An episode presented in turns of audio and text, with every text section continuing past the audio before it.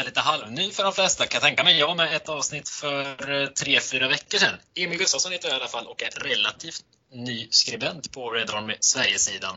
Men med mig har jag två rutinerade rävar här idag i alla fall. Adam och Mikael. Mår vi bra? Fan, jag... ska jag säga? Man är tillbaka i eländets jävla gruva. Eh, man mår ju som man mår. Och det är som det är, så att säga. Vi blev påminna några gånger idag på jobbet om eländet från igår. Och jag ville bara prata jobb med mina kollegor. Men de ville gärna prata om vad som hände igår. Så då, ja, tre gånger idag har jag mått piss. Och nu lär jag väl må ännu sämre när vi eh, konsoliderar det som hände igår med er. Kan jag tänka mig. Men ja, jag lever i alla fall. Du lever i alla fall, det är alltid bra. Ja. Nej, jag var också mått rätt dåligt ändå. Jag skulle till Systembolaget idag, orelaterat till gårdagens match, ska sägas, om någon börjar, börjar bli orolig. Men eh, det är grejen så här, man blir alltid läggad där. Och det är ju fantastiskt. Men så kommer jag till kassan och så snubben bara, jag känner igen dig, du behöver inte visa lägg. och jag känner igen mig. Hur fan kan han känna igen mig? Mm. Ja, det är helt otroligt. inte ens jag kände igen honom. Nej. Men så, nej, nu vet jag i alla fall till nästa gång när jag ska till Systembolaget, då ser jag honom i kassan. Då går jag till en annan. Antingen går jag hem eller så byter jag kassa. Men du, du är fortfarande att du blir glad när du får visa lägg på bolaget. Jag, är ju, jag har alltid haft så barnsligt utseende höll jag på att säga. Nej, men alltså jag, jag jublar den dagen de inte kommer fråga mig om lägg. Du, du är för ung nu Emil. Det... Ja, för dåligt. Ah. Skäggväxt och allt möjligt, men jag börjar tappa håret. Men jag hoppas att skägget kommer snart så det jämnas ut på något jävla höger. Ja, precis. Jag har ju lite skägg så det, kan väl vara det också. Det är ju sådär med kassaexpediter, Mikael. Jag har ju själv suttit i kassan och sådär och det är ju där, vissa vet man ju stammisarna, vilka sig de ska ha och, och någon ska ha någon nässpray varannan torsdag. Och eh, det är väl ett tecken på att uh, du, du tjänar dem väl där inne. de har koll ja, på dig. Nästa gång, nästa gång säger jag väl, vad fan, ska du inte ha guldkällan den här gången? ja, men du är en sån där som inte be behöver betala påsen, för de vet ju att du betalar ju det nästa gång. Kommer tillbaka. det, det, är ofta deppiga profiler som känns igen sådär i butiken, tänker jag då. Ja, du. För det säger någonting. Hur fan kan jag känna igen mig? Alltså, jag har tänkt på det hela dagen. Jag skulle förbereda mig för podden, men det är det enda jag kunnat tänka på. Ja, det är inte lätt alltså. Det vi tänker tillbaka till det deppiga över är såklart Leipzig-förlusten igår i sista gruppspelsmatchen i Champions League. Men har ni landat lite i, som jag har kommit på mig själv lite, att jag skrattar åt eländet ibland? Kan ni känna det också? Ja, absolut. alltså vissa grejer kan man ju känna liksom. Eh, jag förstår vad du menar. Det finns ju något där som det är för jävligt eh, att vi är ute och att vi har så dåliga förutsättningar för match med det som hände på måndagen och sådär. Men, men mycket där också. Jag tror att besvikelsen hade varit mycket större om jag liksom trodde mycket mer på det som hände på rent taktiskt och vad vi levererar på planen koncis liksom. Men det finns mycket att skratta åt helt klart. Jag tänker att det måste ju ha att göra med att alltså, man har sänkt förväntningarna så pass mycket på något sätt. Alltså, jag var lite förbannad igår första halvlek när det var tväruselt, men sen liksom när vi lyckades få in två bollar på orimliga sätt. Det var ju inte så att pulsen steg. Och, alltså, jag vet inte. Efteråt var jag liksom inte arg. Det var bara garva åt att vi höll på att få med oss någonting. Och liksom. Mm. Ja, men alltså, ja, hänger men du med mig någonstans? Ja. ja, jag förstår lite vad du menar. Det är någonstans tragikomiskt också. Ja, men precis. Situationen vi har hamnat i och hur, hur det såg ut i gruppspelet på förhand. Inledde så fantastiskt bra så, som man bara behövde ta några få poäng på de avslutande matcherna. Så nej, man lyckas inte med det. Och så ska man åka till Leipzig och ta en poäng, startar med åtta defensiva spelare. Har en tränare som snackar om the United way, spelar med snabbt kantspel, offensivt spel, många unga spelar chansen. Och så så blir det som det blir. Alltså det är så. Det, det är svårt att acceptera men det är, det är någonstans det här som har blivit vår vardag som man inte är förvånad längre. Jag förväntade mig ingenting från den här matchen. Men jag trodde att det kanske, jag tänkte så här, Antingen så kommer United göra en pissdålig match och förlora. Eller så kommer det bli någon så jävla 5-0 seger som det blev senast mot Leipzig. Det är antingen eller med United. Det blir ju inget, det blir inget mittemellan. Så ja, man kan väl inte säga att det är ospännande i alla fall, men på något sätt så, så är det tröttsamt och det är väl, vi har fått acceptera det här helt enkelt. Jag, jag kan ju relatera till det du säger också Emil, om man jämför med typ för tio år sedan. Då, då var det alltid efter match, då kunde man alltså vi kunde göra en dålig match, man kunde nästan alltid backa tränaren och, och spelarna ändå känna att ja men vi har det här. Nu fick, jag hade otur lite så tappade och man skyllde typ alltid på domaren. Och jag saknade den tiden när det var domaren som var problem hela tiden eller det var något fult spel från motståndarlaget.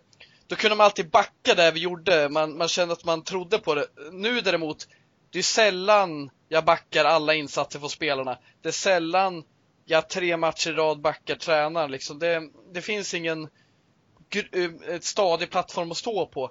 Så helt kort och gott, jag saknar att klaga på domaren, men det är sällan jag gör det. det. Domaren kan vara dålig, men det är inte han som är problemet. Det är inte han som är orsak till att vi förlorar. Men det tyckte jag ofta fan, vi... när vi gjorde liksom tre plattmatcher per år eh, över alla turneringar, 50 matcher under Ferguson. Då var det oftast domaren man var galen på för att han var orättvis.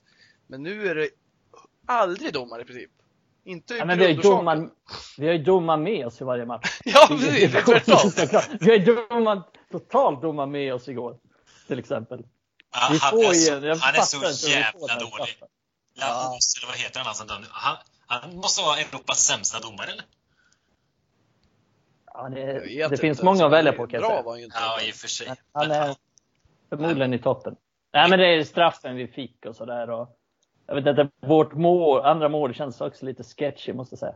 Ja, men, men. Alltså, jag tänkte bara, alltså, tänk om vi kvitterar 3-3 och går vidare. Alltså, man hade ju inte orkat kliva på Twitter. Tänk, tänk i Liverpool-runkarna som hade klivit ut efter. Alltså herregud vad jobbigt det hade varit att bara... Nej, det var nästan tur att det blev som det blev tänkte jag säga, men eh, vi var inte förtjänta av någonting igår. Men hur var era känslor innan matchen igår? Var, vart stod ni? Trodde ni på det?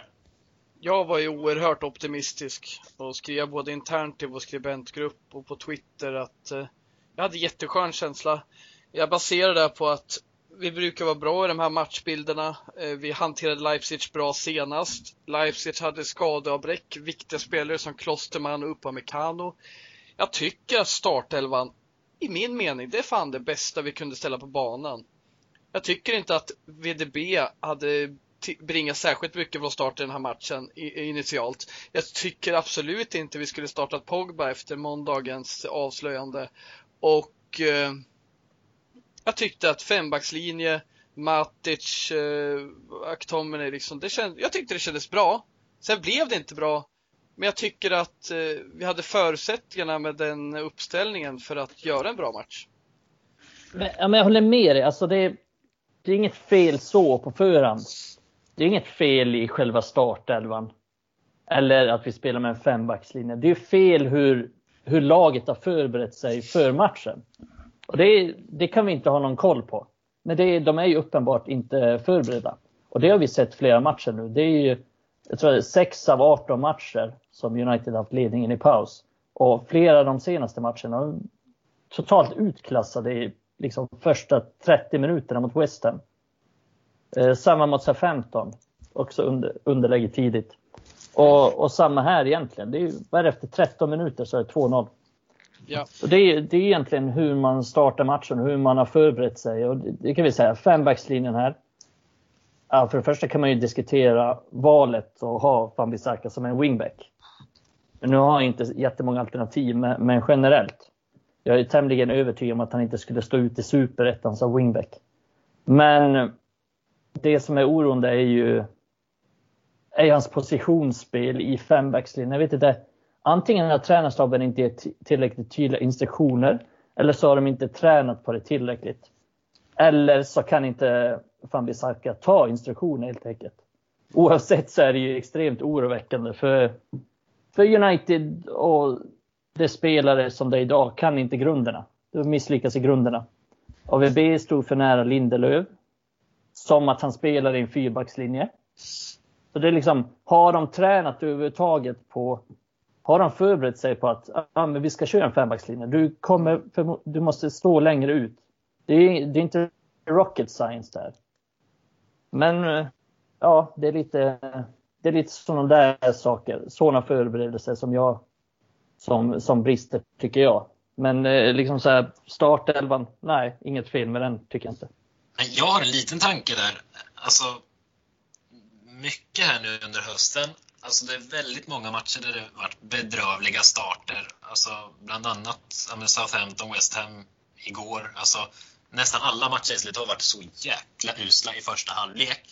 Alltså det känns nästan som det när de tänker och försöker liksom göra någon, följa någon form av matchplan som Ole satt upp. Då går det käpprätt åt helvete. Sen i andra halvlek när vi ligger under med två bollar något och det bara släppa handbromsen och de får mm. göra vad de kan i grund och botten någonstans, då går det bra. Så någonstans finns det verkligen en jäkla kvalitet i truppen. Men när de försöker spela på någon form av sätt så går det inte. Nej, precis. Jag håller med dig. Det är en intressant reflektion. Det är, det är lite så. För, för i andra halvlek nu och mycket mot West Ham också, då blir det så här bara, fan, nu, nu, nu måste vi skita i allt bara. Nu måste vi in med två bollar. Så enkelt är det. Och då i den desperationen så är United mycket, mycket bättre. Men det, det jag tror att Ole sa det också, att visst det funkar mot West Ham att ligga under med 2-0 och kunna komma tillbaks. Men det funkar inte mot ett lag som kom till semifinal i Champions League förra säsongen. Det, det, går liksom inte att spela på så, på så sätt. Men jag, håller med, det, det är intressant. Och, och på tal om det taktiska upplägget, det är ju, jag förstår ju att han, ja det gick bra senast mot Leipzig när han använde det. Men måste ju också tänka till att Nagelsmann är ju inte dum. Han har liksom analyserat den matchen, han har analyserat Uniteds match mot PSG. Och det märktes att han hade gjort det. För United var, blev totalt taktiskt utklassade.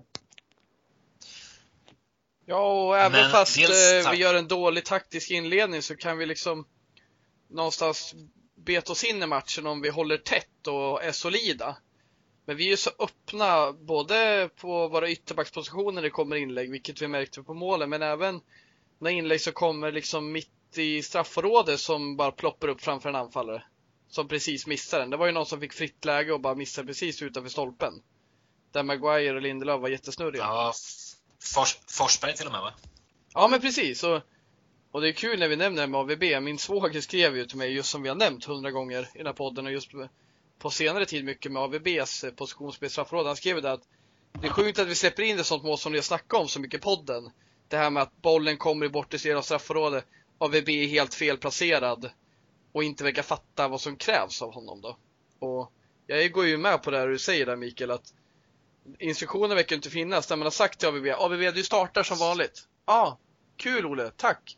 Eh, men han vet inte vad han ska ha för roll i den här matchen. Han ska inte vara i knät på Lindelöf. Han behöver inte vara så jävla centrerad in, vid ett sånt innesläge när vi har fem backar. Det är skillnad med fyra att han kommer in lite längre in i straffområdet på inlägg. Men i det här läget, mm. helt salladen. Vad trött jag är på ja, var... de där Exakt. jävla misstagen, vad Bissaka gör. Och jag vill bara komma in på det lite att vi snackar ju mycket att vi har svårt att bryta ner lag och så vidare och den här matchen borde klara, eh, det borde passa oss bra. Men vi, har, vi är för dåliga defensivt och jag känner att varken vårt kollektiva defens, eh, defensiva organisation, den utvecklas inte. Den har inte gjort det på två år. Vi har köpt in lite nya spelare som gjort oss stadigare, men vi utvecklas inte där tycker jag. Eh, och jag tycker Nej, inte, inte, att... Eh, precis, jag tycker inte att Maguire eller Van Bissaka blir bättre heller i United. Och då önskar man ju att de utvecklas för att vi ska bli ett världslag. Nej precis, och det är ju där Coacherna där utvecklar inte på rätt sätt och Wan-Bissaka är en av världens bästa på eh, one-on-one. Men utöver det, liksom, det är väldigt mycket han behöver utvecklas i fortfarande och det är för taskigt alltså, det är för dåligt. Och jag blir bara ledsen när jag tänker på det. Ser vi någon spelare som har utvecklats sen Solskjaer klev in? Det är en seriös tanke nu. Mer än... Då räknar jag ändå bort typ Greenwood, för han, han var liksom Liksom som 16 är Solskjaer över så är det självklart att han utvecklas. Men i övrigt, de som var etablerade i truppen.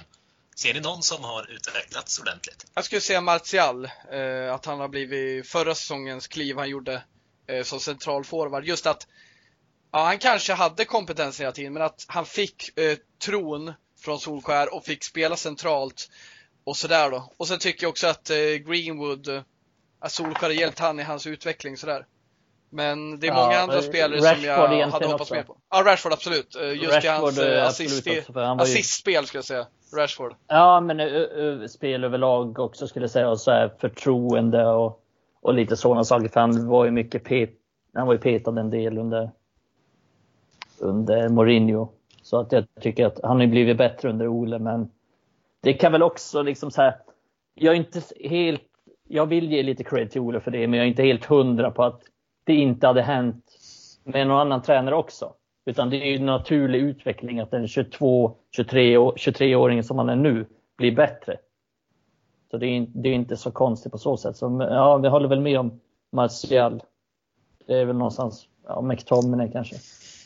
Minus, minus sista månaderna mm, kanske på Martial, för där har det varit ett mörker, men det ska vi inte ramla in på nu. Men, eh, Han har gått tillbaka. Ja, men verkligen. Men det taktiska kanske, alltså någonstans känner jag att det behöver man knappt gå in på mer, för alla är rörande överens om att det är sådana rejäla brister där. Men om jag tycker man ser så bedrövligt stora brister i liksom grunderna. Vi var inne på Wan-Bissaka som inte förstår vart han ska finnas på planen. Det är fler också. Så Luxov uppe på väldigt konstiga positioner igår tyckte jag i alla fall flera gånger. Ja, men både pressspel och när man man får bollen ser man inte förberedd ut och alltså, det rullas ut en boll till en mittback som sen står helt ensam och bara stampar. Alltså vad tänker om det, att, bristerna, att det brister så mycket i grunderna? Vad, vad beror det på? Ja, det, är, det är lite intressant att man lyckas släppa in två så tidiga mål när de har åtta defensiva spelare på planen. Ja. En fembackslinje och uppenbarligen har en ganska defensiv grundinställning till den här matchen. Man går in lite för att inte förlora och kunna ligga på kontring lite. Så det är intressant. Men nej, alltså, jag skulle säga att United var inte beredda och kunde inte hantera Leipzigs taktiska uppställning. För att de gjorde, alltså jag försökte analysera här lite. Så till exempel Emil Forsberg var en sån som drog in i planen. Han utgick mycket från kanten och så drog han in i planen och följde Van Bissaka med. Och eftersom varken eftersom ingen av våra yttrar följer med särskilt mycket defensivt. Vi har ju tre stycken som är extremt offensiva i, och går bort sig ofta i pressen. Det snackade vi om i något tidigare avsnitt. De går ofta bort sig i pressen, de tre där längst fram. Vilket innebär att det blir helt tomt på kanterna. Och, och det är ju därifrån målen kommer egentligen. Det ser vi tydligt med första målet där när deras wingback gör, gör 1-0. Så det, det blir ytor på kanterna när vi har en fembackslinje, vilket är men jag tänker om, om det hade funkat bra, då ska väl i min bok i alla fall, som har spelat fotboll, alltså Wan-Bissaka ska ju inte följa med Emil Forsberg in. Han måste, det måste finnas någon kommunikation att släppa över. För sen kommer ju Angelino som ett skott på kanten, då måste ju Wan-Bissaka finnas ute. Spelar man fembackslinje, då ska ju eh, Telles och Eh, Fanbisaka i det här fallet de måste ju vara där ute. Sen finns det extremfall såklart där de måste följa med, men, men i regel ska ju inte de följa med någon gubbe in i knät. Där finns ju Lindele och där finns Shaw som ska plocka upp dem i så fall. Nej, men jag, jag tror helt enkelt de är, inte, de är inte förberedda på den typen av saker. Jag tror att det skapar någon slags förvirring där, vem som ska vara. Vi ser på andra målet också, Luke Shaw går upp och så blir han bortspelad. Och han tar ju inget hemjobb. Ja, det blir jag så förbannad på också. Han joggar ju hem där. Hade han sprungit fullt ut så hade han förmodligen kunnat avstyra någonting. Nej, men det Nu tappar jag bort mig för att jag blir så förbannad över det, men jag tror det, att det är hade... någonstans sådana såna, såna grundläggande saker och vi ser det gång på gång, den där fasta situationen man släpper in och det är, det är helt ofattbart faktiskt. Det är svårt att förklara. Jag, jag tror ju att vi hade eh, inlett med en eh, annan formation. Om inte Raiolas uttalande kom i måndags. Jag tror det förändrade en hel del. Han ändrade om lite. Jag tror, jag tror till exempel inte att han eh, så här, han vill spela en fembackslinje i den här matchen. Han vill köra så. Men det känns lite, vad ska man säga, lite riskfyllt att göra det och det känns som han tog den risken nu för att det är som det är med Pogba då. Uh, nu plockar han in honom med andra halvlek. Men jag tror, jag tror så här att det, det, det försämrar våra förutsättningar såklart och i den här eh, veckan kanske vi inte har förberett med den elvan han körde med. Och då gör han det med Shaw som nyss har kommit tillbaka. Telles är inte jättevan i den här formationen. Det finns väldigt mycket att slipa på liksom. Och det syns ju framförallt eh, i den här matchen tycker jag. Att vi släpper in så det var inte många lägen de hade, det var inte så att de valde ner oss i början. De satte ju sina lägen de fick. Förutom jag är inte här... lika övertygad om att Pogba skulle ha startat om inte det där skedde. Alltså min tanke då, i så fall menar du att Solskär liksom bänkade Pogba som en markering? Ja, ja men han hade inget val. Han, om, eh... ja, men om han gjorde det, då tycker jag att då är det ju så otroligt jävla svagt rent ut sagt att han sen får eh, dyka in och göra ja. Alltså, han ska inte få spela alls då. Då är det liksom ett halvt statement av ja. det i så fall. Jag är inte alls säker på att Pogba var tänkt att starta faktiskt. Jag tror absolut efter eh, helgens match. Han var bra, han gör mål och Solskjaer vill få igång honom.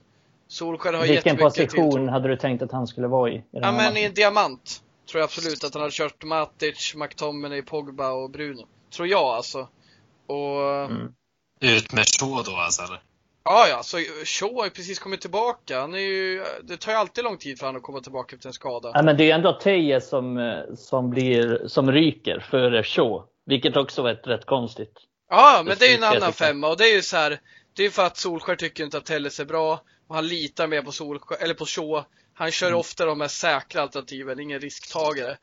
Men eh, jag tror absolut, jag tror det är så. Eh, och där kan jag förklara en sak. Sen kan man ju undra varför varför man inte förbereder då på att kunna köra fembackslinje. Då det i min mening är den bästa lösningen mot det här motståndet. Ja, men United har ju sällan en plan B känns som. Det finns ingen riktig, det är liksom, det gick åt helvete det här och så ändrade man till en fyrbackslinje. Men det, det var ju liksom svårt att göra det och det behövdes ju göra massa ändringar. Helt plötsligt var Teje som typ av vänsterytter och det blir inte riktigt optimalt. Jag blir lite fascinerad många gånger att det inte verkar finnas, som du är inne på, där att det finns ingen plan. Alltså i min bok så måste det finnas på den här nivån en plan. Ligger vi under med 2-0 så agerar vi typ så här. Sen är ju varje match unik, men det måste finnas någon form av plan. Att då skeppa ut Telle som är, har sina styrkor i offensiven och har kvar så. Sen byter han in yt, sen byter han ut Shaw och sätter in en högerfotad oh, Williams på vänsterbacken. Och sen ska oh. Toan se in istället för Lindelöf. Jag förstår inte. Nej, det, där, det där kan ju han aldrig försvara. Det kan aldrig vara okej. Fatta att vi är på den största scenen och ska spela en avgörande match och det är det här han drar ut. Det är inte så att han måste, han har ju offensiva alternativ. Men det är det här han tar in liksom. Är det här hans repertoar? Är det här hans taktiska verktygslåda? Jag, jag vill försvara det lite, alltså de bitarna. Det med Williams eller Shaw Tejes ut och sen Shaw ner och sen Shaw ut och Williams in. Det var, det var lite waste. Men jag förstår liksom. Han har de offensiva spelarna han har. Det är lite som samma situation som förra säsongen. Han tycker inte att ta ut Greenwood och lägga in Mata. Han tycker inte att det blir bättre och det kan jag köpa. Eh, det är därför han tar ut till exempel Lindelöf och lägger in Tuan Sebe tror jag.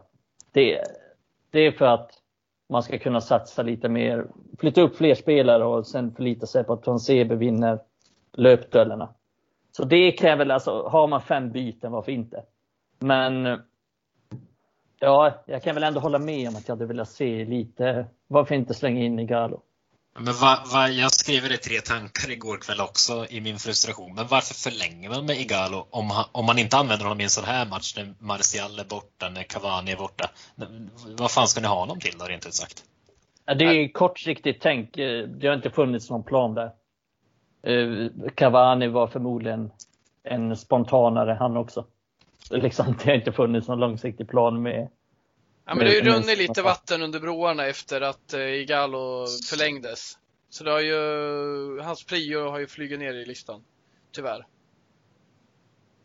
Ja, hur, hur, hur tänker vi framöver med Europaspelet? Vad tror ni? Europa League, hur sugna är ni? Ja, du är ju sugen Mikael. Du vill ju vinna den där turneringen. Nej, jag är fan inte alls sugen. Jag tappar suget efter förra säsongens debacle. Men eh, jag säger så här spela ungdomarna i den jävla turneringen. Kommer jag, Ole göra det? Jag skiter i den. Nej, det kommer han ju såklart inte. Men Ole vill ju vinna den. Han har inte spelat någon ungdom en enda match den här säsongen. Han kommer inte börja nu heller i Europa League. Han vill ju vinna den. Ja, visst, vill... är käns visst är känslan att han ser en chans på en titel här nu? Ja, då, så är det. Ja. Det är liksom, ja. Mörkt den är, men alltså. Vi har ju vunnit den redan. Vi, vi har redan vunnit. Det var så här, första gången vi var med i Europa League, då ville jag så här, vi har United aldrig vunnit Europa League innan. Så då, då var det ju jävligt viktigt när, när man vann den i Stockholm. Att fan nu får en titel vi inte har vunnit, även om det är lite av en loser turnering så är det ju, man vill ju ändå ha en titel som man inte har vunnit förut. Men nu är det lite så här, nej. Fan, vi har ju redan vunnit den här jävla turneringen. För vi ska mig är Europa League bara ett jävla minne om vårt eh, förfall. Ja, Som en jävla det, tatuering på skinkan, en jävla fylletatueringar. Och liksom det står där tillhör Jan Banan och man ångrar det för resten av livet. Liksom man, här, man vill bara kunna, tack men vänligen nej tack. Vi vill inte vara med i Europa League i år. Men samtidigt är det lite så här. Folk är så jävla besvikna över att United är ute ur Champions League. Vi har fan ingenting i Champions League att göra. Har ni något bra minne från Champions League efter Fergie-eran? Det är väl typ 10 sekunder av David Moyes era mot Bayern München när vi ledde med Patrice Evra drömmål. Och det är liksom vinsten mot PSG borta där. Men den, Alltså, men den, Som i slutändan ledde till att till en jävligt dålig sak, till att Ole blev permanent manager. jag det tänkte liksom- säga det. Alltså PSG, Vi har ju borta- ingenting. ja, men den PSG borta för ett par år sedan, alltså, det, det var det var ju en sån uppsminkning av att eh, allt är bra här. Alltså, vi det var ju den mest oförtjänta segern jag sett alltså. Ja, det är bland de mest oförtjänta att se. Men det är också så här ett tecken på att vi, vi har inte så mycket i Champions League att göra. Det är väl den här, vin, eller den här förlusten också ett, ett tydligt tecken på. Vi har inte så mycket ett slutspel att göra. Och efter att vi slog ut PSG då, ja vi blev totalt demolerade av Barcelona. Som förvisso var bra, men inte direkt Barcelona 09 till 11 bra. Så nej, vi, vi har inte så mycket att göra den turneringen. Och det är väl ett underbetyg för Ole också, för hela klubben. Vi har ju snackat om den här processen, processen, processen. Men vi, vi är ju inte bättre än vi är inte bättre än vi har varit de liksom senaste åren. Det, det Nej, händer. och, och i år tycker jag att vi är tillräckligt bra för att gå vidare i Champions League. Jag tycker vi ska kunna komma Ja, trea, tvåa i ligan. Vi ska kunna gå till kvartsfinal, semifinal i Champions League. Vi har den truppen, vi har materialet. Sen kommer vi inte Ja, vinna material, allt med den här truppen, men det är det som gör mig besviken. Det är klart, förra året så var det en period. Och den perioden är förbi nu, men nu ska vi börja leverera. Eh, eh, William ska börja leverera som vänsterback. Eh, Ole ska börja leverera som tränare. United ska börja leverera som plugg, klubb. Som plugg tänkte jag säga. Alltså, vi har ju Plugg. spelare, det håller jag med om. Vi har en Ja. del bra spelare. Vi har en ganska bra trupp. Men den är inte väl coachad. Det är det vi kommer tillbaka till. Vi kan ju inte förvänta oss att gå vidare när vi gör sådana här grundläggande fel. Och det är, vi, vi kan kolla på matchen mot Leipzig. Hur många spelare i Leipzig går in i United? Visst, det, det är väl några stycken kanske, men det är, inte till, det är inte många. Vi ska vara bättre än dem. Men de är mycket tydligare i allting de gör och de gör inte den här typen av, av kollektiva misstag som United gör. Vad, vad tror ni om vi hade haft, alltså, låt säga om vi hade fått Klopp när han tog över Liverpool. Vad tror ni United hade varit idag? Jag har tänkt på den här tanken många gånger. Liksom, hur hade det sett ut med en riktigt, riktigt bra tränare? Framförallt tror jag att vi hade haft... Jag tänkte säga att försvarsspel, det är inte så svårt att sätta. Jag säger, säger så här, inom parentes svårt. Det är det, det är det enkla för en tränare att sätta. Det är det Roy Hodgson sätter. Det är det Tony Pulis sätter. Det är inte avancerat. Och det, det tänker jag, det klarar liksom Harry Maguire är ingen världsstjärna. Victor Lindelöf är ingen världsstjärna, men de är tillräckligt bra för att kunna coachas till ett stabilt försvarsspel. Luxo är bra defensiv vänsterback. Van Bissaka är en bra defensiv högerback som kan coachas. Så att där ser jag inga, liksom den, den måste bli bättre för att vinna Champions League, men den är stabil och den går att få stabil för att bli liksom tvåa, etta, tvåa i ligan. Det går. Sen har vi ju, vi har ett bra mittfält, men vi har kanske saknar en riktigt bra defensiv mittfältare, kan jag hålla med om. Men det finns potential där. Och det finns potential i anfallet, i de offensiva positionerna. Bruno Fernandes, han är bäst i världen skulle jag säga. Höll jag på säga, men Ju- Just han nu är ju väl det i den positionen Han är nästan. ju så jävla bra. Och vi har ju Rashford, vi har Greenwood, vi har Martial, vi har Cavani. Och det är...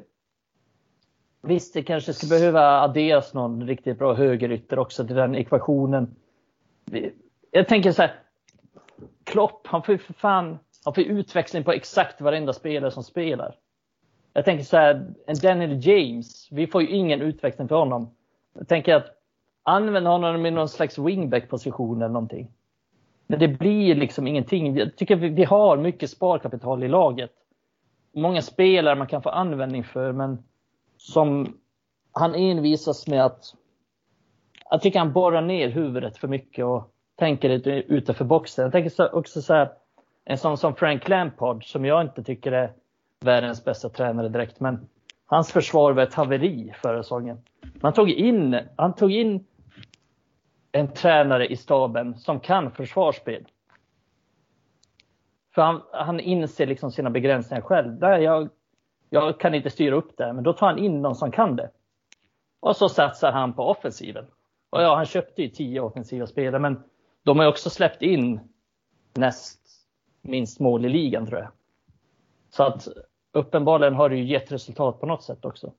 Eh, det är ju sådana saker. Jag tror att en riktigt bra tränare hade kunnat göra mycket med det material vi har. Ja, ett mörker att vi lämnar Champions League när det såg så fantastiskt ut där efter segrar mot både PSG, Leipzig och sen krascha mot Istanbul borta och sen är resten historia. Men vi får lämna Leipzig-matchen och gå vidare.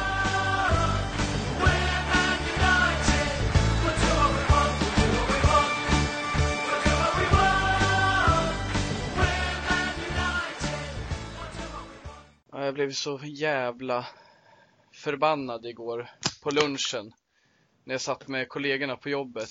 Det var ju då innan eh, matchen mot Leipzig.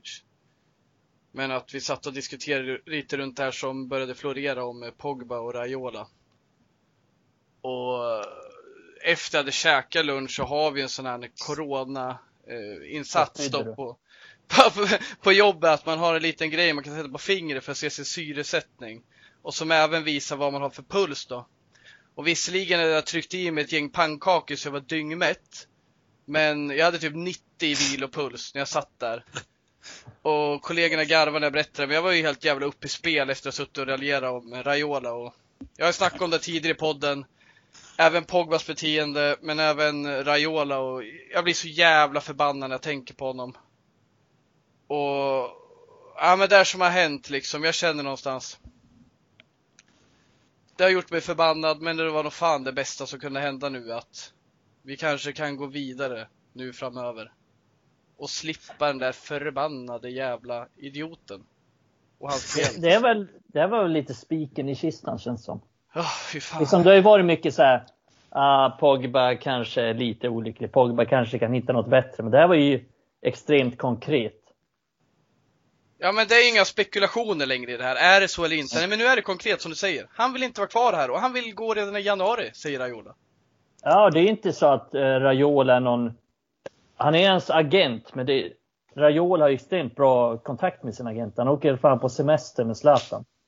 Mm. Och det är väl klart, det är liksom, man kan ju spekulera att, att Pogba kanske inte vet om att Raiola har sagt det. Men det är, fan, det är klart som fan han är medveten om att Raiola gått ut och sagt det. Det är klart som fan att de har diskuterat den här saken. Om det är Pogbas förslag, det tror jag väl inte. Men jag tror att han är fullt medveten om det och jag tror att Pogba vill lämna.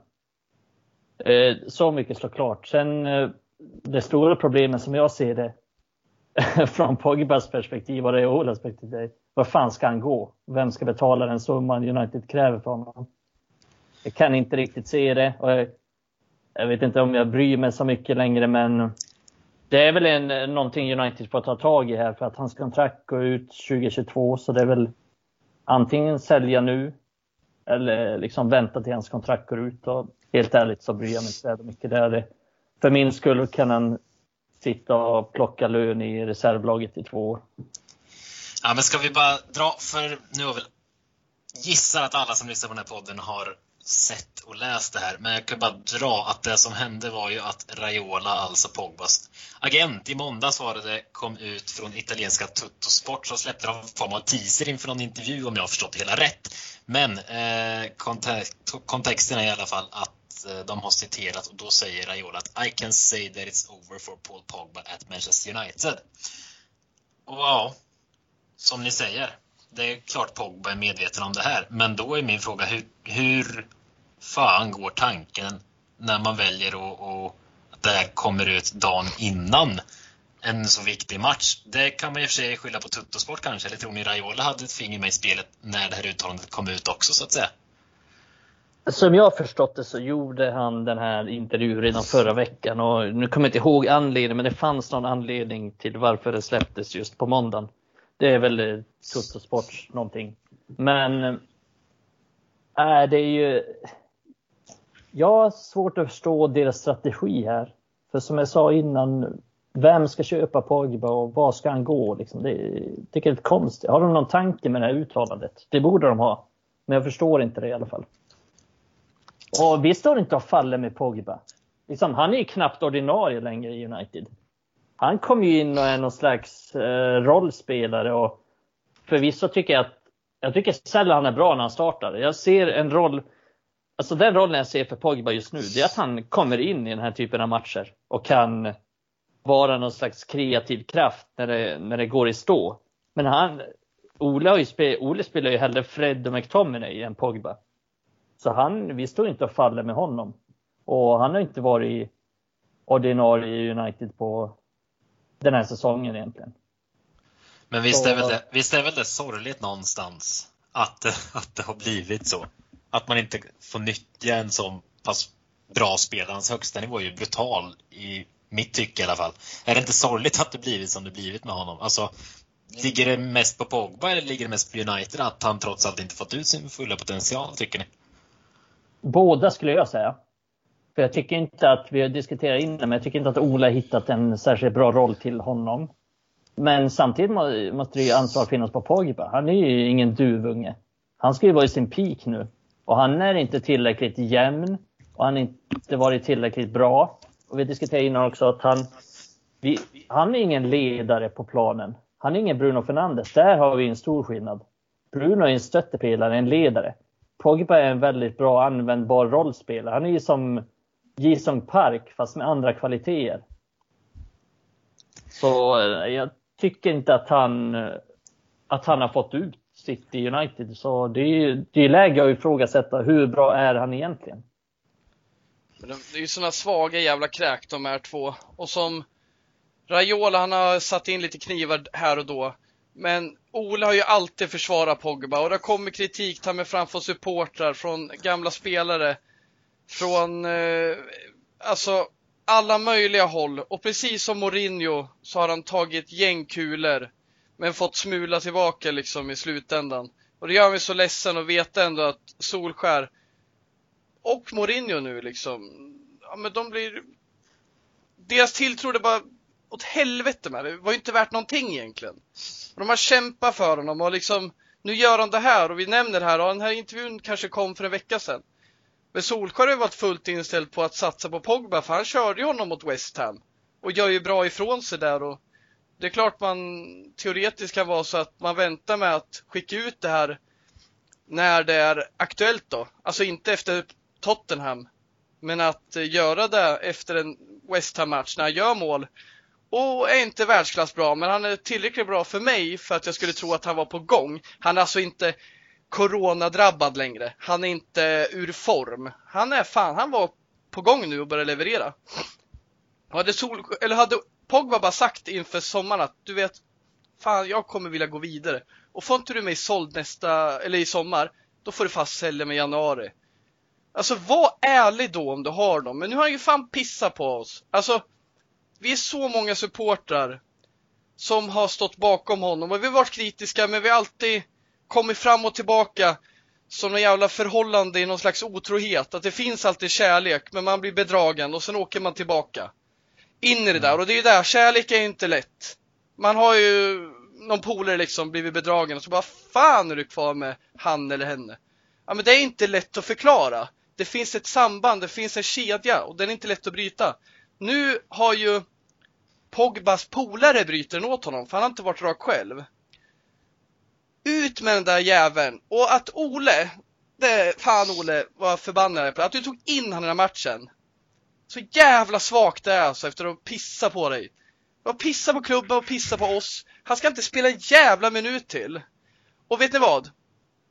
Jag vill ersätta honom med en annan spelare. Vi behöver inte honom, som du säger, vi faller inte på honom Mikael. Du har helt rätt. Jag vill ha någon helt annan spelare så vi finansierar de pengar vi får in av honom. Om vi får honom såld.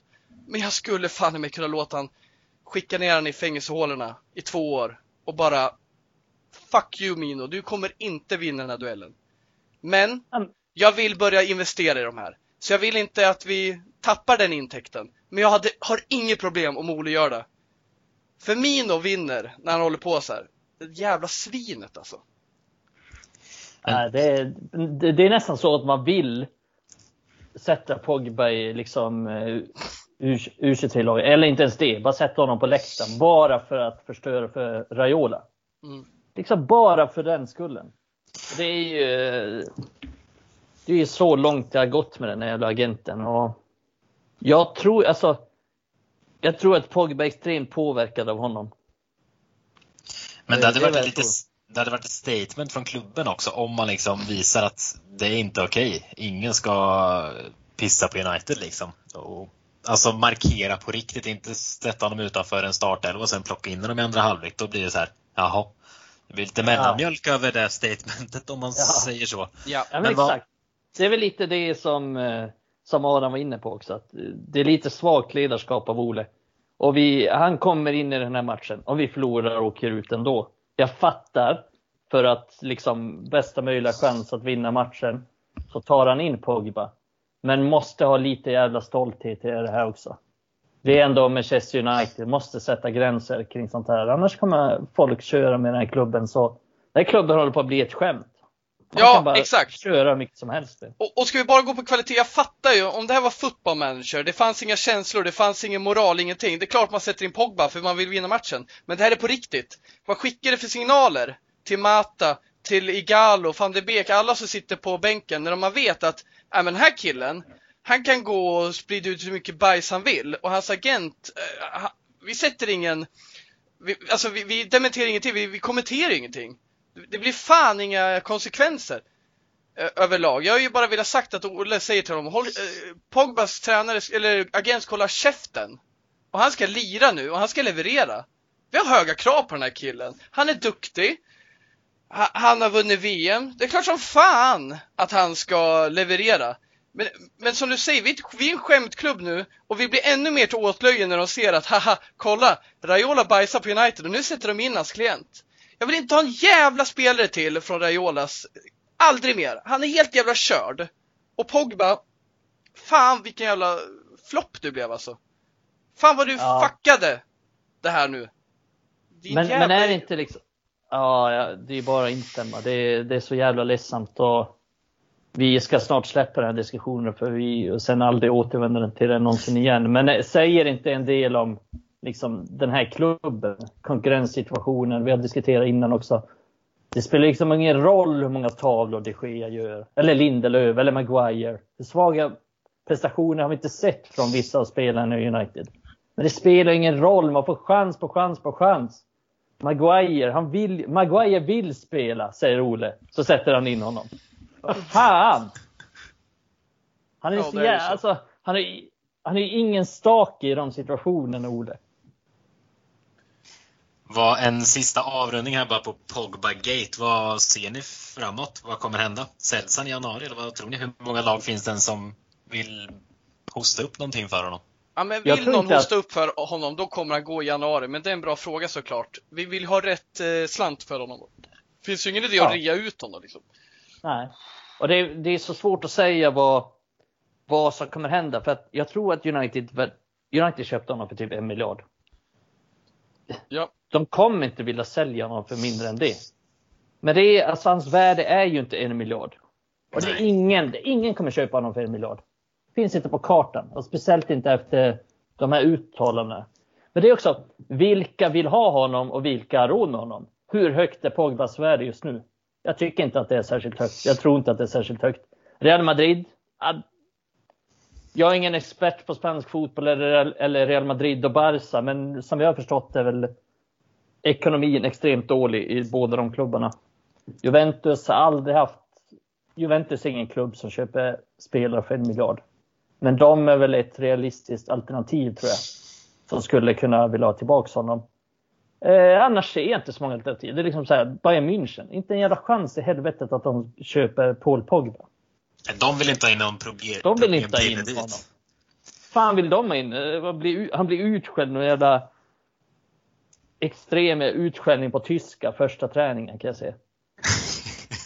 men, men jag, liksom, han, han hör inte hemma där, men nej, jag, jag, kan inte se så många lag som man kan köpa honom. Och... Nej, men vem, vem vill ens ha honom? För Pogba är en, han är ju en lyxlirare. Har nej, inte så många tror jag. Nej, men har du ett väl fungerande lag som är kanon, då kan du ha råd att ha en Pogba på planen för han höjer upp det ett snäpp ytterligare. Men har du ett problem, som typ Real Madrid nu som går lite halvknackigt. Eh, ja, de är ju fan sämre än United. Ja, men, Barca, men, alltså, på riktigt, jag tror inte folk inser det, men de är fan, båda de är så brutalt ja. dåliga nu. Ja, men Pogba går ju inte in och höjer ett lag på så sätt. Han ska gå in och vara, när Real Madrid var på toppen för några år sedan, då ska han komma in där och höja det ytterligare. Ja, han jag tror inte han går in och, exakt, han går inte in och höjer något lag som Nej. går dåligt. Jag, jag... han kommer ju in som en Zidane-figur liksom och höjer det med lite snygga touchar. Och... Nej, jag håller med. Han är ingen, det som jag sa innan, han är ingen Bruno Fernandes. Han är ingen ledare, han är ingen stöttepelare. Han kommer inte upp och styra upp ett lag. Så han kommer inte komma in och styra upp Real Madrid. Sen kan det ju hända att de värvar som fan, men som jag sa innan också, att jag tror inte att det verkar inte som att de har så mycket pengar. Jag, jag, kan känna så här att, eh, jag håller med dig Mikael, jag tror verkligen att eh, Woodward och Glazers kommer vilja ha 80 miljoner pund för honom. Liksom. De kommer vara väldigt tydliga där för att ja. visa att det är ingen som driver med oss längre.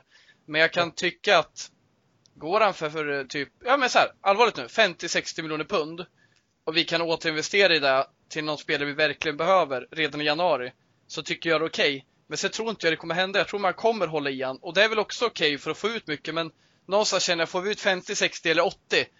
Det är inte det som är problemet för mig. För mig är det att bli av med ett virus någonstans, få in pengar och eh, eh, hans lön gör ju att ja, vi kan täcka två riktigt bra spelare för den lönen.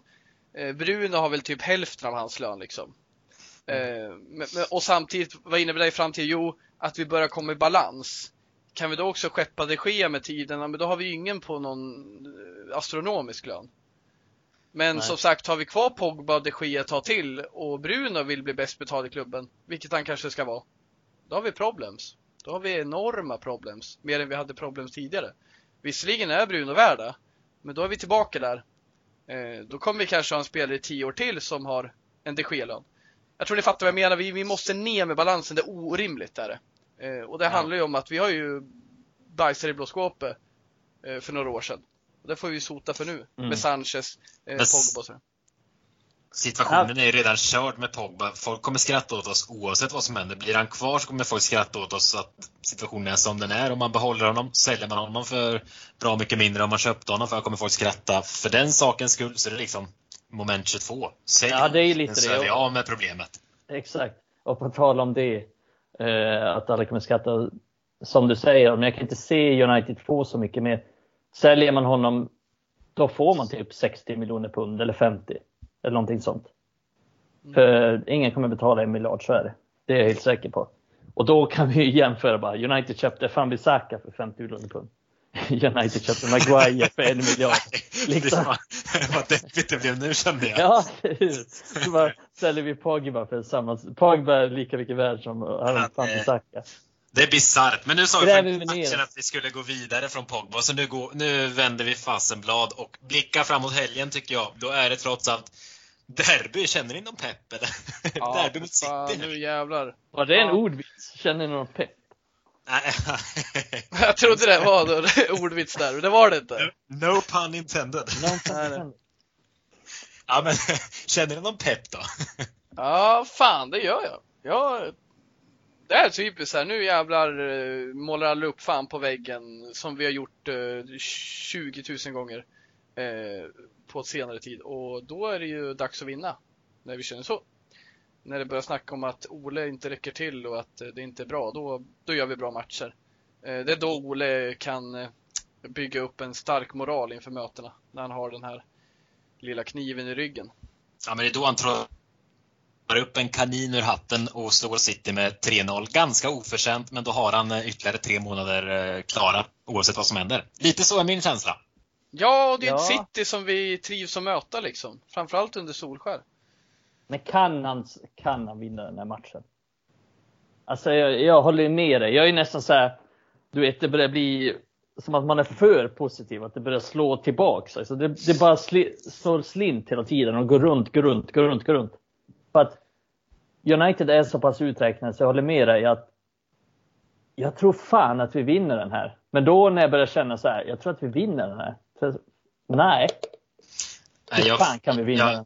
Jag förstår vad du menar. Och jag, vi spelar in där onsdag kväll och jag sitter och kollar här nu startelvan City. De lirar Champions League om en halvtimme här mot Marseille.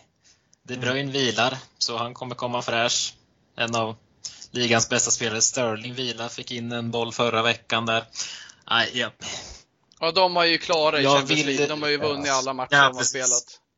Ja, men jag... De har vunnit alla. ja, men man tror ju... De har vunnit allt, så kan man aldrig.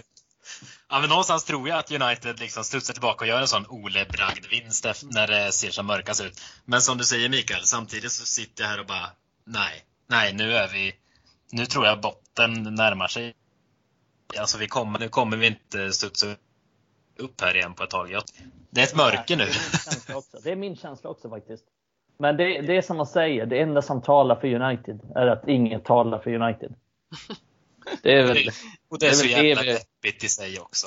Ja. Liksom... Vi mötte ju eh, City i december förra året och då satt vi också och var jävligt negativa. Men det är någonting i de här matcherna som vi tar de här derbyna på större allvar än City. Eh, och det är klart. Det har ja, blivit tvärtom. Det har blivit tvärtom. Sorgligt nog. Ja. Jag kommer ihåg så här under Lillebrorskomplexet. Ja, jag kommer ihåg typ så här. Förlorade inte United båda matcherna 08? Det är typ det bästa United jag någonsin har sett. Men de förlorar båda derbyna. Mm. I och för sig var United totalt överlägsna i båda matcherna. 50 men... år efter kraschen hade vi på oss de här jubileumströjorna, eller vad man ska kalla det. Ja, precis. Men då var ju...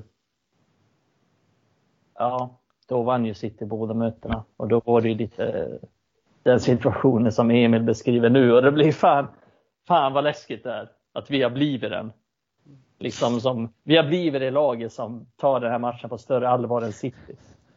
Åh, Ett bekymmer det är nu jag liksom att... inser, det är nu jag inser att min att min eh, fru sen 50 år tillbaka har varit otrogen. Det är liksom den känslan jag får. Fan. En livskris. Livskris nu. Ja men eh, det kommer ju, nu vet jag inte, det ser ju inte ljust ut för Martial. Eh, mirakel är skett men han lär ju inte vara klar i helgen liksom. Och han gjorde ju bra ifrån sig i båda matcherna förra säsongen. Bland annat drämde in en eh, frisparksvariant genom eh, Bruno Fernandes. Eh, på ett jävligt trevligt sätt i marsmatchen tidigare i år.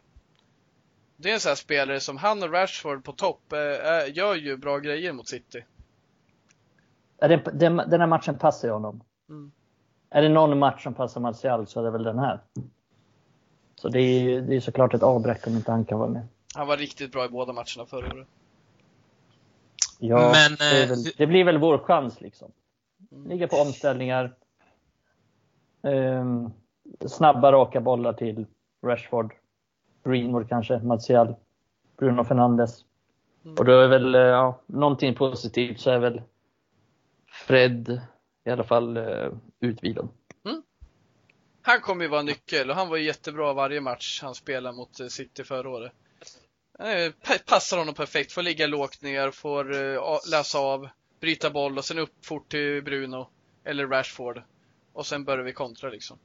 Ja, plus att vi har lite alternativ också i, i backlinjen nu. Känns som eh, Luxor är tillbaka och mm. Tejes finns och så det, det finns lite att laborera med det i alla fall på förhand. Och i den här typen av matcher så som vi snackade om tidigare, typ så här West Ham och sånt. Det, SA-15. Det verkar inte som att United är särskilt förberedda till de matcherna. Men till de här matcherna då är liksom alla i truppen på topp. Alla är taggade, alla gör sitt yttersta, alla tar sitt ansvar. Och det är väl det som talar för United. Vi är mer noggranna i den här typen av matcher. Vi vet att City kommer vara bättre. Vi vet att City kommer äga boll. Och då gör vi inte några större defensiva blunders som vi kanske gör annars mot, mot West Ham.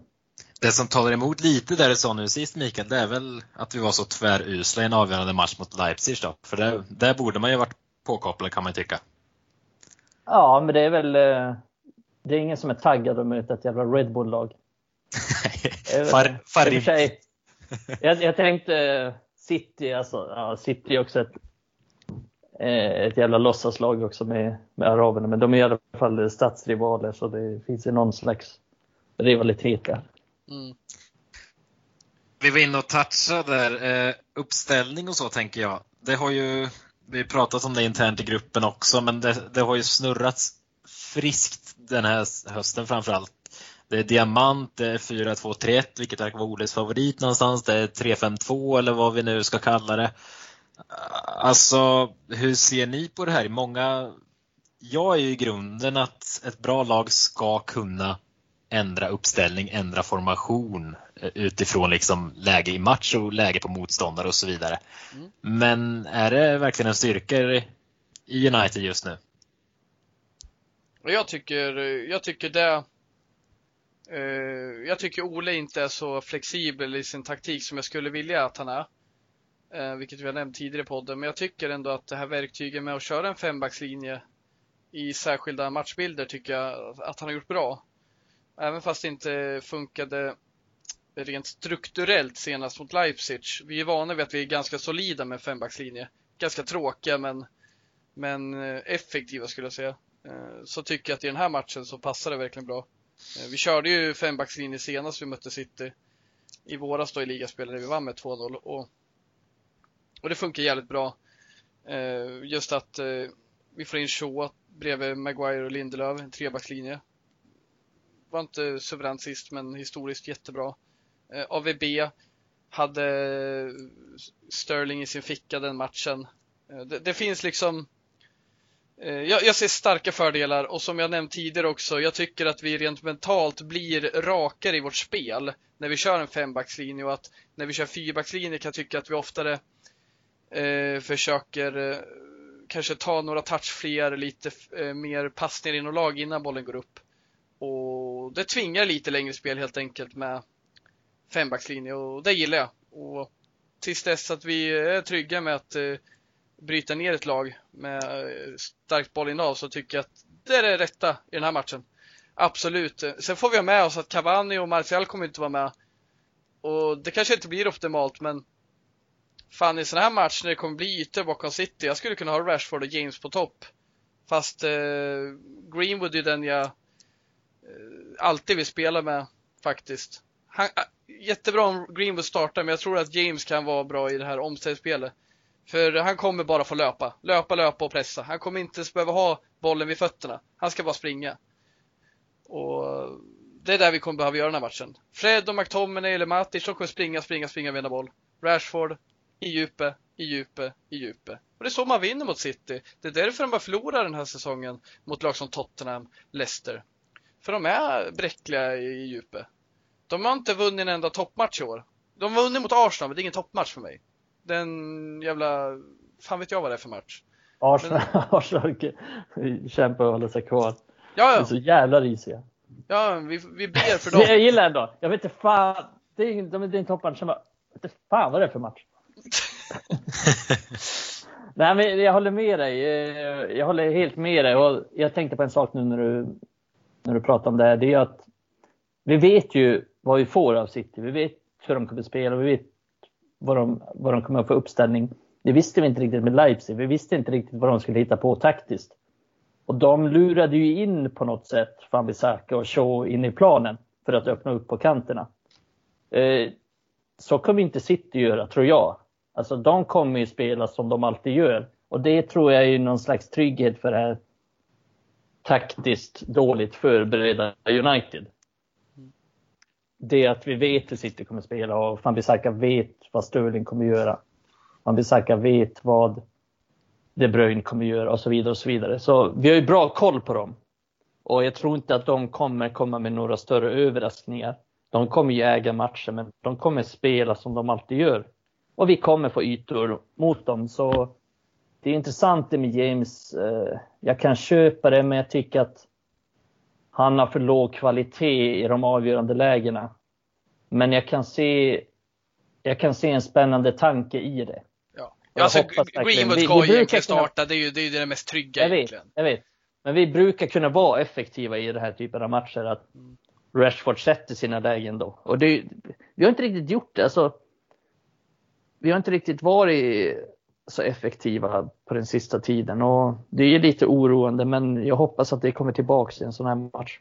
Jag tycker du är bra inne på en sak där att jag tror Tuchel och eh, eh Nagelsmann lärde sig av läxan den här vår, eller hösten och mm. i returmötet så förändrade de någonting och vi ja. blev lite chockade. Pep har aldrig ändrat någonting. Han är envis.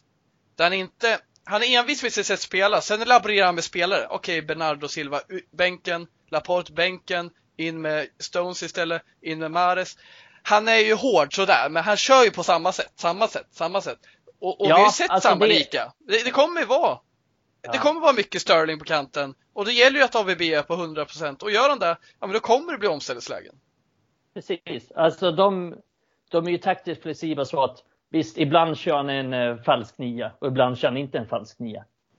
Men det är inte så att de kommer göra som Leipzig, att de kan helt plötsligt byta spelsystem och greja och hålla på. Utan det, vi vet ungefär vad vi kommer få. Då. Ja, jag har inte märkt något annat i alla fall när vi mött Pep. Jag tycker det är likadant. Och vi förlorade en, vi förlorade en match förra året i ligacupen. Men då var inte Maguire med på plan. Det var Jones och Lindelöf på back, i backlinjen. Då spelar det ingen roll att vi vet hur de ska spela. Då gäller det att alla är hundra och Jones var ju bedrövlig den matchen. Eller hela laget var bedrövliga. Jag tror ni Jones startar nu eller? jag, jag fick ett leende. Tyvärr, han är inte tillgänglig. Jag log här när du nämnde Jones Adam. Alltså, jag vet att du gjorde det. Han så fint någonstans att han... Det enda som gillar Jones, det är Emil. Det är det bästa Emil. Det är som, det är som eh, Phil Jones sa ju så när han skulle ha en testimonial. de enda som skulle komma, det är min familj. Så jag vill inte ha någon testimonial, men jag glömde nämna, de enda som komma, det är min familj och Emil. Vi är som familj, jag och Phil. fan. Ja, det... är synd om Phil Jones. Ja, det är det. Han är alltså... enda fotbollsspelare jag någonsin har tyckt synd om. För han verkar så fin, men han får ja. så mycket skit. Och, ja, det, och säger han, han gör sitt bästa. Jag vill bara titta, han gör precis. sitt bästa. Han gör sitt bästa. Sluta håll på.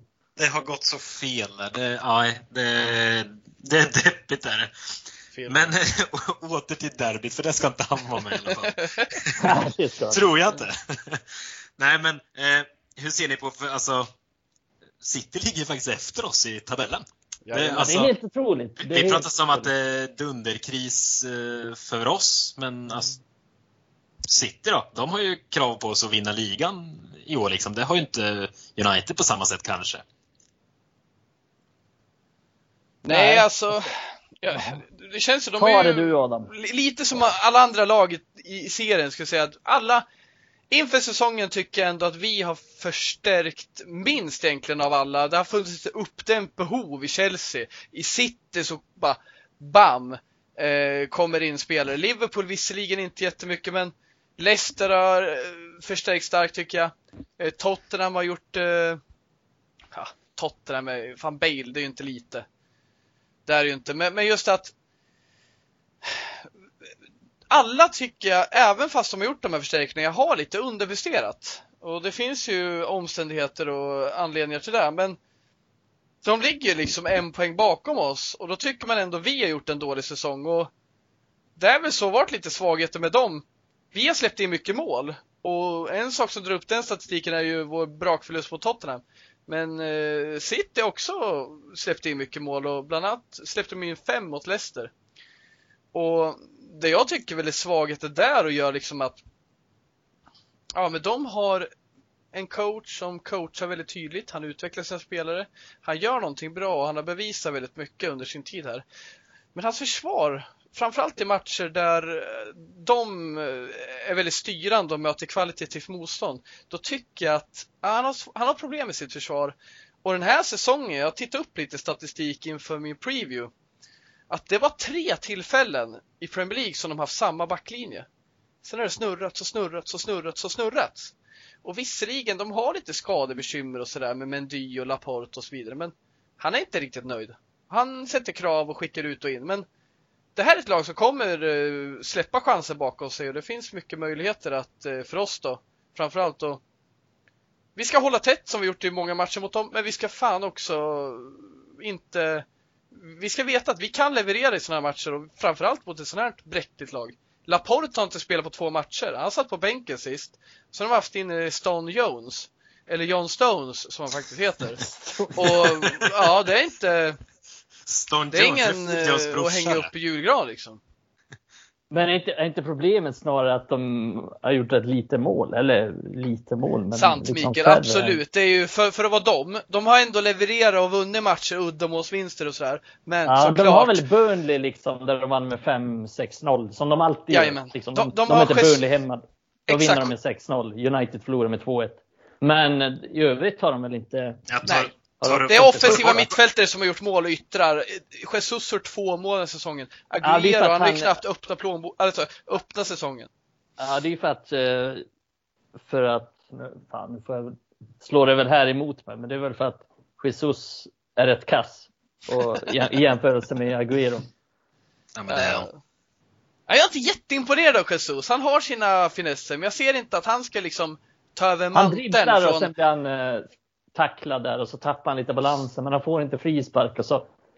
Det, saker går inte med honom känns det. För mig är Martial och Jesus på samma nivå. De kommer göra Ja. 20 mål en säsong. Men sen kommer det falla ur ramen. Och det finns liksom ingen, eh, ingen eh, stadighet, det finns ingen jämnhet. Men det finns en jävla hög nivå när de är där. Det var till och med så att folk fan man jämförde honom, hans mål med Bergkamp. Liksom när man började dra sådana grejer. Nej men det, fan jag håller med. Jesus, men det är klart det, när man ser höjden i en match, det är klart man kan reagera. Men jag Alltså, jag behöver se jag mer av Jesus för att... Mm. Jag håller nog Martial högre än Jesus. Jag, jag ser inte den höjden. Jag vet inte. Jag nej, jag sitter jag inte inte- i hans båt. nej, jag hade ju inte bytt Martial mot Jesus. Absolut inte. Jag tror Martial hade gjort, eh, gjort det bättre i City än vad, än vad Jesus gör. Men jag ser, eh, det. Tar, man bort eh, Citys match mot Burnley så har de gjort 12 mål på 9 matcher. Det är inte mycket för att vara dem. Nej. Nej, och de har släppt in att- typ lika många, har de. Ja, jag, jag kan kolla live-tabellen. Ja, plus... Ja, 11 plus mål sex har de har släppt de. in. 11 mål har de släppt in, ja. Mm. Vi har släppt in 17. Ja. Ja, det, ja, exakt. Men det är ju det är mycket Spurs-matchen där. Jag tycker Uniteds... Ja, för sig, nu släppte man in en del här mot så 15 också, men, men överlag eh, efter Spurs-matchen så var väl Uniteds försvar rätt stabilt i ligan där ett par matcher. Nu börjar det väl komma tillbaks till det normala igen. Med, Ja, och mot, efter Spurs blev det så tydligt att han inte, den här duon med Pogba och Matic som han förhö- förhöll sig till hela sommaren. Eh, de insåg ju att Matic var inte i form och eh, corona drabbade Pogba, han var inte där än. Och då blev det att han gick tillbaka till eh, McTominay och Fred. Mm. Vilket är ganska osexigt offensivt men eh, stabiliteten eh, infann sig. Det var det som var problemet mot Leipzig också. Det var ju att vi, vi hade så pass defensivt manskap på planen så att när vi åkte på 2-0 då hade vi inte så mycket offensivt att, att göra på planen. Liksom. Vi hade ju Mm. tre offensiva spelare på planen så det var ju rätt svårt att skapa målchanser.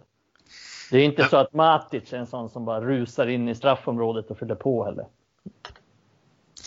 Vi ska börja avrunda alltså, men vad, vad tror ni? Många som lyssnar på den här podden är säkert med och, och kommenterar och så på våran Facebook och så också. Alltså, det är ju fullständig kris i United om man läser och när vi pratar och så ibland. Men borde vi lugna oss lite tror ni? Alltså vi är, vi är tre poäng bakom Chelsea som hyllas och vi är en match mindre spelad och det är Burnley liksom. Borde vi, borde vi lugna oss? Är det inte så jäkla illa som vi härjar då? Burnley för United är en av de svåraste matcherna på säsongen. finns ingen chans att vi vinner. Nej, men jag håller med dig ändå. Alltså, det är ett intressant perspektiv att du tar upp. För att, ja, det ser fan bra ut alltså, i ligan. Alltså inte spelmässigt eller så. Ja, definitivt inte, men eh, resultatmässigt. Och, men, sen...